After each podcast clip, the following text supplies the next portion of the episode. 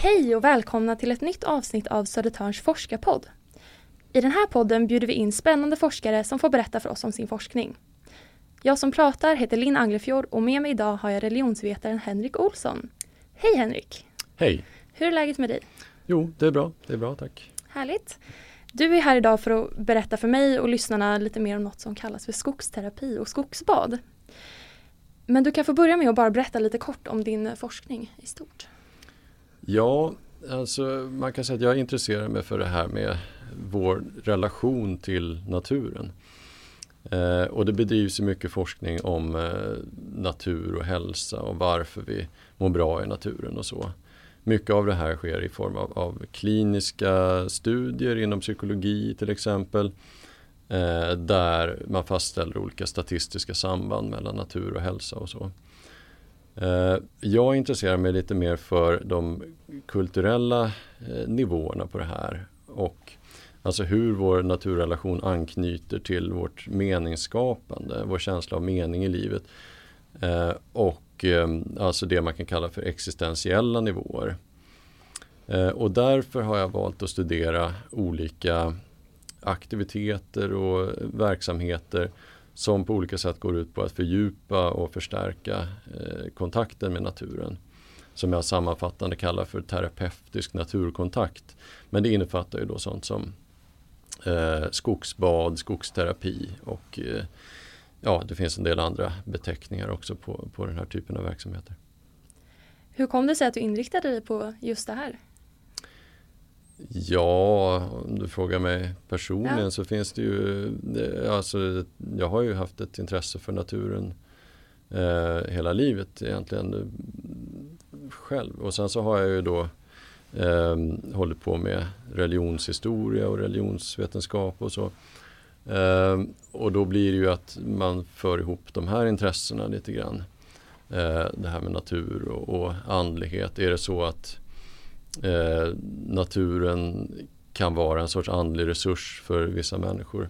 Och så. Det finns det ju mycket, eh, eller en del forskning som tyder på då att eh, eh, folk gärna använder naturen som en resurs till exempel i kriser i livet och så. Och att det är ganska vanligt med eh, vad man kan kalla för andliga upplevelser i naturen. Så det där vill jag eh, fördjupa mig i. Och sen så ingår ju det här då i Eh, ett större projekt som forskar om eh, människors naturrelationer eh, i Östersjöregionen då, i Sverige, Estland och Danmark är det forskare som samarbetar kring det här. Eh, och eh, ställer det här lite grann mot bakgrund av sekulariseringen i de här länderna. Att vi har en väldigt långtgående sekularisering eh, med ett lågt förtroende för traditionell institutionaliserad religion och så. Men samtidigt så verkar folk ha ett lite speciellt förhållande till naturen som en del uttrycker i mer eller mindre andliga termer. Och, eh, så projektet syftar till att ehm, eh, undersöka det då. Eh, och då annonserade man efter en, en, doktorand till det projektet och det kände jag var intressant. Ja, Okay. Innan vi går in lite djupare på det här med din forskning och forskningsprojektet så tänker jag att det säkert är många som lyssnar och även jag innan jag gjorde research som kanske aldrig ens har hört en term som skogsbad eller skogsterapi. Om du bara kan berätta mer om vad det är för något? Ja, eh, det är ju då eh, verksamheter som handlar om att fördjupa kontakten med naturen på olika sätt av hälsoskäl kan man säga i bred mening. Eh, det handlar ju om att må bra på alla nivåer så att säga. Hälsa kan man ju se på eh, både fysiska, psykiska, sociala och, och även då existentiella nivåer. Eh, och eh, en grundtanke eh, i de här verksamheterna är ju att eh, vi mår dåligt av att vara distanserade från naturen. Eh, och att vi därför eh, behöver närma oss den på olika sätt. Verksamheterna går ut på eh, till stor del att eh, skärpa sinnesuppmärksamheten. Att vara väldigt närvarande eh, kroppsligt och mentalt i det landskap där man befinner sig och att fokusera på eh, sinnena och sinnesupplevelserna. Eh, man kan säga att det här eh, har en koppling till mindfulnessrörelsen också. Eh, och här handlar det då om att vara väldigt närvarande just i naturen då, i, i nuet och i, i, eh, på platsen där man befinner sig. Vad är skogsterapins bakgrund? Var, var kommer det ifrån?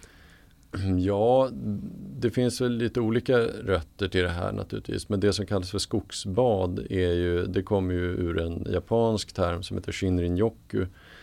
Eh, och det var någonting som man drog igång eh, på 80-talet i Japan just utifrån att man såg att stressade storstadsbor saknade kontakt med naturen och att eh, det fanns ett behov av, av det här.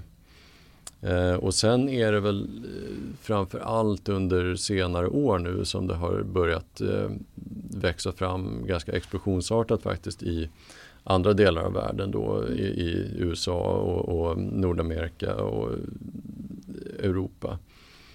Ehm, även i Sverige har det här vuxit väldigt kraftigt under senare år. Från att eh, när jag började hålla på och undersöka det här för ett par år sedan så var det väl Ja då kände jag till en som höll på och bedrev mm. sån verksamhet i Sverige. Men nu är det åtminstone ja, ett 20-tal som poppar upp här och där eh, runt om i landet. Ja. Och du har ju alltså forskat mm. på allt det här. Kan du nu berätta mer om eh, det här projektet, vad det är ni gör och målet? Ja, alltså det här är ju en form av etnografisk forskning så att ehm, eh, det handlar om att göra djupintervjuer med folk som håller på med de här verksamheterna och även då deltagande observationer, att vara ute och delta i de här övningarna och, och sammankomsterna och se föra fältanteckningar, se vad, vad det här går ut på och sen försöka dra någon form av slutsatser om det. Hur kan ett sånt tillfälle se ut när du är ute på fältet och får vara med? Oj, eh, ja, eh, en grundmodell för en sån här eh, session eller vad man ska säga. Då håller man ju på i ungefär tre timmar någonting och då samlas man först en grupp och sen så går man in i det här. Eh, ofta genom att man kanske passerar någon form av portal eller liknande. Alltså man passerar mellan två träd eller över en tröskel eller så. Eh, och då är ju tanken att eh, innanför det här då eh, så förhåller man sig till eh, naturen och landskapet på ett lite annat sätt än vad vi är vana vid. Eh, oftast rör man sig extremt långsamt Eh, och eh, man uppmärksammar sinnena ett i taget. Eh, och försöker på olika sätt att, att knyta an till eh, landskapet. Och det är ju inte bara då att genom sinnena ta in mer information från landskapet. Det är ju en del av det hela. Eh, men det här bidrar ju också till att man knyter emotionella band med, eh, med träd, med platser och så vidare. Eh, så här kommer vi in på någonting, eh, en sorts personifiering av naturen kan man säga. Någonting som man ibland kallar för animism. Och det är ju ett eh, begrepp som har en väldigt lång historia i antropologi och religionsvetenskap. Från början var ju det här Tyler, då, Edward Burnett Tyler som eh, förde in det begreppet i eh, antropologin på 1800-talet. Eh, och såg det som en sorts grund till eh, alla religioner egentligen från början. Men eh, också som ett, ett, ett sorts primitivt eh, stadium av religionsutvecklingen. För på den här tiden så såg man det ju som att religioner gick genom vissa eh, givna stadier och så. Eh, Tyler hade en rätt bred definition av det här animismbegreppet och såg det som all form av andetro egentligen, all form av tro på någon form av personliga väsen utanför eh, det mänskliga. Då. Eh, senare forskning har förstås gått ifrån den här synen på eh, religion som att den utvecklas genom vissa givna stadier och att det här är, skulle vara då ett mer primitivt stadium på något sätt. Eh, däremot har begreppet animism eh, fått en sorts renässans eh, ändå under senare decennier. Och det forskas en hel del på det. Och då finns det ju en del då som fortsätter på Tylers spår och vill se det här som en förklaring till, till religion. Det finns ju till exempel en forskare som heter Stuart Guthrie som har förfäktat en sån teori sedan 80-talet. Eh, som går ut på att eh, eh den här eh, att det här är en sorts kognitiv funktion eh, som har att göra med att man övertolkar agens i skeenden i omgivningen. Alltså att om man hör någonting som prasslar eller ser en rörelse eller så så har man eh, en tendens att tolka det här som att det är ett djur eller en människa. Eh, medan det kanske är mer troligt att det är vinden då. Men det har funnits, menar han, då, en evolutionär fördel att tolka det som eh, något med agens. Och sen byggs det här ut då till eh, komplexa system, tankesystem då, som man kan kalla för antropomorfa. Alltså att man tillskriver omgivningen eh, mänskliga egenskaper så att säga. Ehm, men sen finns det andra då som menar att eh, förklaringsvärdet i den här eh, evolutionsbaserade teorin sträcker sig inte så mycket längre egentligen än till själva den omedelbara perceptionen, alltså när man uppfattar någonting som prasslar till eller, eller sådär. Eh, utan eh, och det, att den inte, att det inte då kan förklara eh, mer utarbetade kulturella system och världsbilder som bygger på den här typen av uppfattningar om natur, naturen och dess invånare som personliga på något sätt. Mm. Och att man aktivt odlar den här typen av uppfattningar i vissa kulturer. Eh, så vissa menar då istället att det här är helt enkelt en helt annan ontologi. Alltså en helt annan grunduppfattning om vad det är för sorts eh, saker och relationer som finns i världen. Eh, som alltså radikalt skiljer sig då från den moderna västerländska uppfattningen. Eh, det finns en eh, forskare som heter Eduardo Viveiros de Castro som har eh, forskat en del om eh, eh regnskogsfolk i Sydamerika. Eh, och menar att deras ontologi och deras grundläggande verklighetsuppfattning är eh, totalt omvänd mot eh, den moderna västerländska. Mm. Där den moderna västerländska ser ett subjekt, alltså en person eller ett medvetande som ett ofullständigt analyserat objekt. Alltså om jag ser dig här, om jag mm. uppfattar dig spontant som ett subjekt, som, som en person som har en egen erfarenhet av världen så att säga. Eh, det, det kan vara en spontan uppfattning även för mm. en modern västerlänning då om vi ska förenkla det något. Eh, men om jag ska analysera vad du egentligen är för någonting vetenskapligt så att säga, då måste jag gå in med mikroskop och studera mm. cellerna i din kropp och, och, och så vidare. Så, och då blir det det här distanserade, eh, objektifierande förhållandet. Att jag försöker nå objektiv kunskap om mm. eh, dina beståndsdelar. Men för de här regnskogsfolken menar då Viveiros de Castro så är det tvärtom. Att eh, ett objekt är ett ofullständigt analyserat subjekt. Det vill säga att vi kan spontant uppfatta något som ett objekt. Eh, men om vi verkligen vill nå kunskap om det, då måste vi närma oss dess subjektivitet. Alltså då måste vi se det som en, en person med en egen erfarenhet och försöka eh, se världen ur dess perspektiv. Så det är helt olika syn på mm. eh, hur man når kunskap helt enkelt. Vad är det då du eller ni vill ta reda på med er forskning? Vad är ert syfte? Ja, eh, det som jag eh, utgår ifrån, eller den situation jag utgår ifrån, det är ju att det bedrivs väldigt mycket eh, medicinsk och psykologisk forskning om, eh, framförallt psykologisk forskning då, om eh, varför vi mår bra i naturen. Mm. Eh, och mycket av det här bygger ju på en eh, grundteori om att vi är genetiskt betingade att eh, uppfatta naturen på vissa sätt. Eh, för att vi helt enkelt har levt i en lång eh, evolution då, tillsammans med eh, naturlandskapet. Mm. Men det jag hoppas kunna bidra med det är att föra in de här mer kulturvetenskapliga nivåerna i det hela.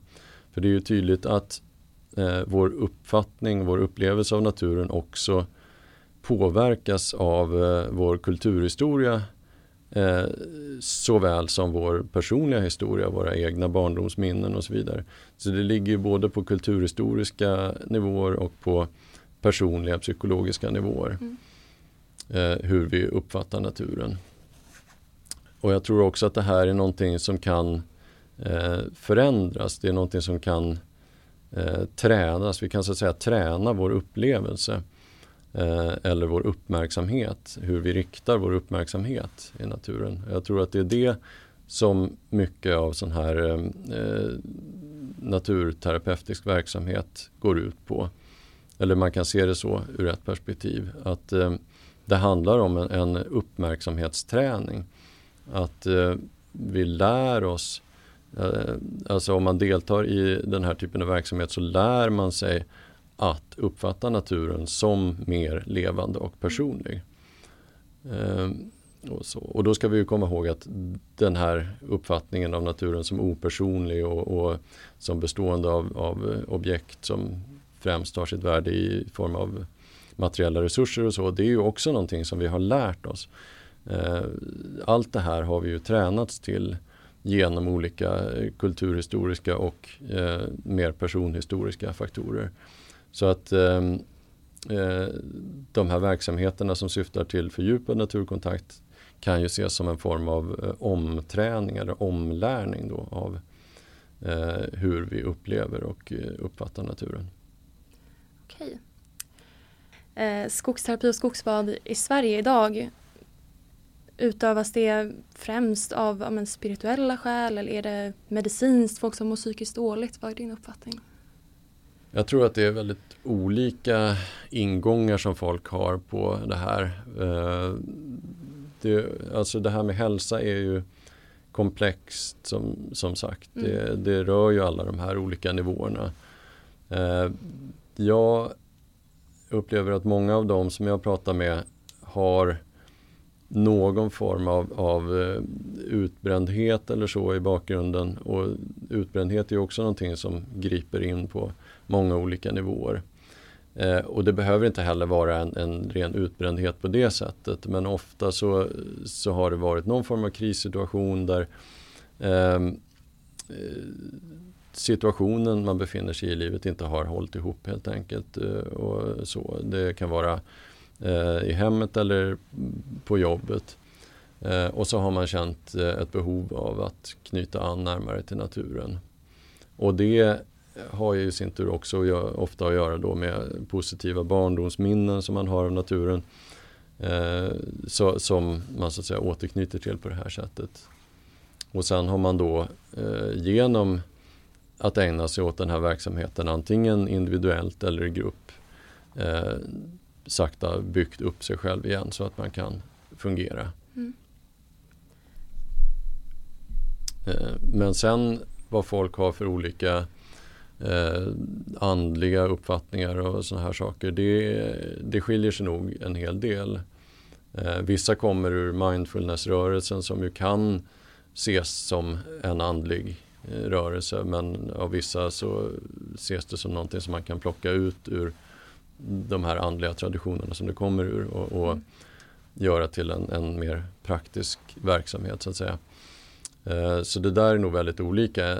För en del är det här inte alls en, en eh, andlig verksamhet eh, på något uttalat sätt i alla fall utan handlar om att må bra och vara mm. frisk helt enkelt. Okej. Är det någonting som du tror i framtiden skulle kunna implementeras i vården till exempel? Jag läste att det hade gjort det i Japan bland annat. Ja, eh, och det, det är ju sånt som eh, sker på, på vissa håll i världen mm. redan mm. och det har till och med gjorts eh, lite försök med det i Sverige också. Okay. Så det är nog på gång att så att säga skriva ut naturkontakt mm. för, i olika hälsosyften, både förebyggande och i botesyften då, beroende på vad det är för tillstånd det handlar om. Men framförallt skulle jag tro mot eh, stressrelaterade problem och mm. ångestsituationer och så. Ja, intressant. Hur viktigt tror du att det här med skogsterapi skulle kunna vara för gemene man? Är det något vi alla behöver i våra liv?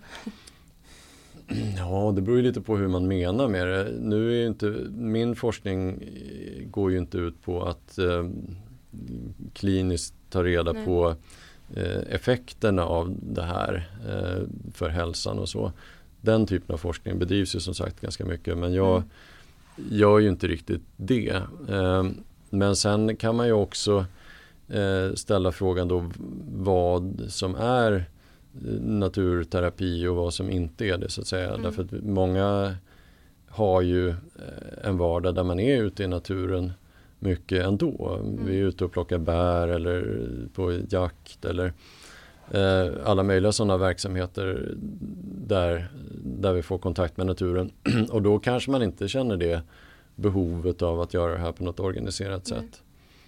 Eh, men, men sen finns det andra då som i vissa fall trots att de har en egen eh, naturpraktik så att säga i form av bärplockning eller liknande mm också känner ett behov av eh, den här sortens verksamheter. För att där eh, övar man ju en fördjupad naturkontakt på ett väldigt medvetet sätt. Eh, så att man lär sig kanske att förhålla sig till naturen på andra sätt. Eh, vilket gör då att man kan uppleva även sin svampplockning på ett annat sätt än tidigare.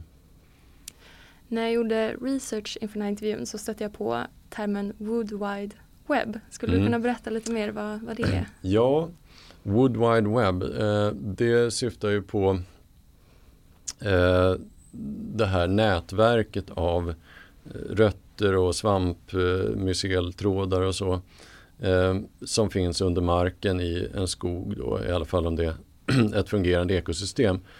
Eh, och det finns ju en del eh, forskning nu som visar hur Eh, träden verkar kommunicera med varandra genom det här nätverket och så. Den här forskningen har ju populariserats bland annat av Peter Wåhleben i den här boken Trädens hemliga liv eh, som kom för några år sedan och blev en, en bästsäljare. Eh, och den här sortens forskning eh, är ju en viktig inspirationskälla till den här typen av eh, verksamheter som skogsbad och, och naturterapi. Eh, för att det stärker ju eh, dels bilden då av naturen som levande och som kommunikativ eh, och som någonting som man kan eh, också själv delta i då. Att man så att säga kan koppla upp sig på det här Wood Wide Web ungefär som på internet. Då. Mm. Okej, du är mitt uppe i det här forskningsprojektet om jag förstår rätt. Det är inte något som är avslutat. Nej, utan, eh, nej ja. precis. Eh, det, Vart har... ligger ni i projektet? Ja, det, om du ser till det större projektet så eh, kommer väl det att avslutas eh, om något år. Fast mm. nu tror jag att det har blivit lite förlängt här. Så att, eh, men eh, ja, min disputation, alltså när jag är klar med avhandlingen, det mm beräknas väl eh, om ungefär två år. Vad vill du att folk ska ta med sig från den här forskningen då? Alltså om vi tänker oss på en mer samhällelig mm.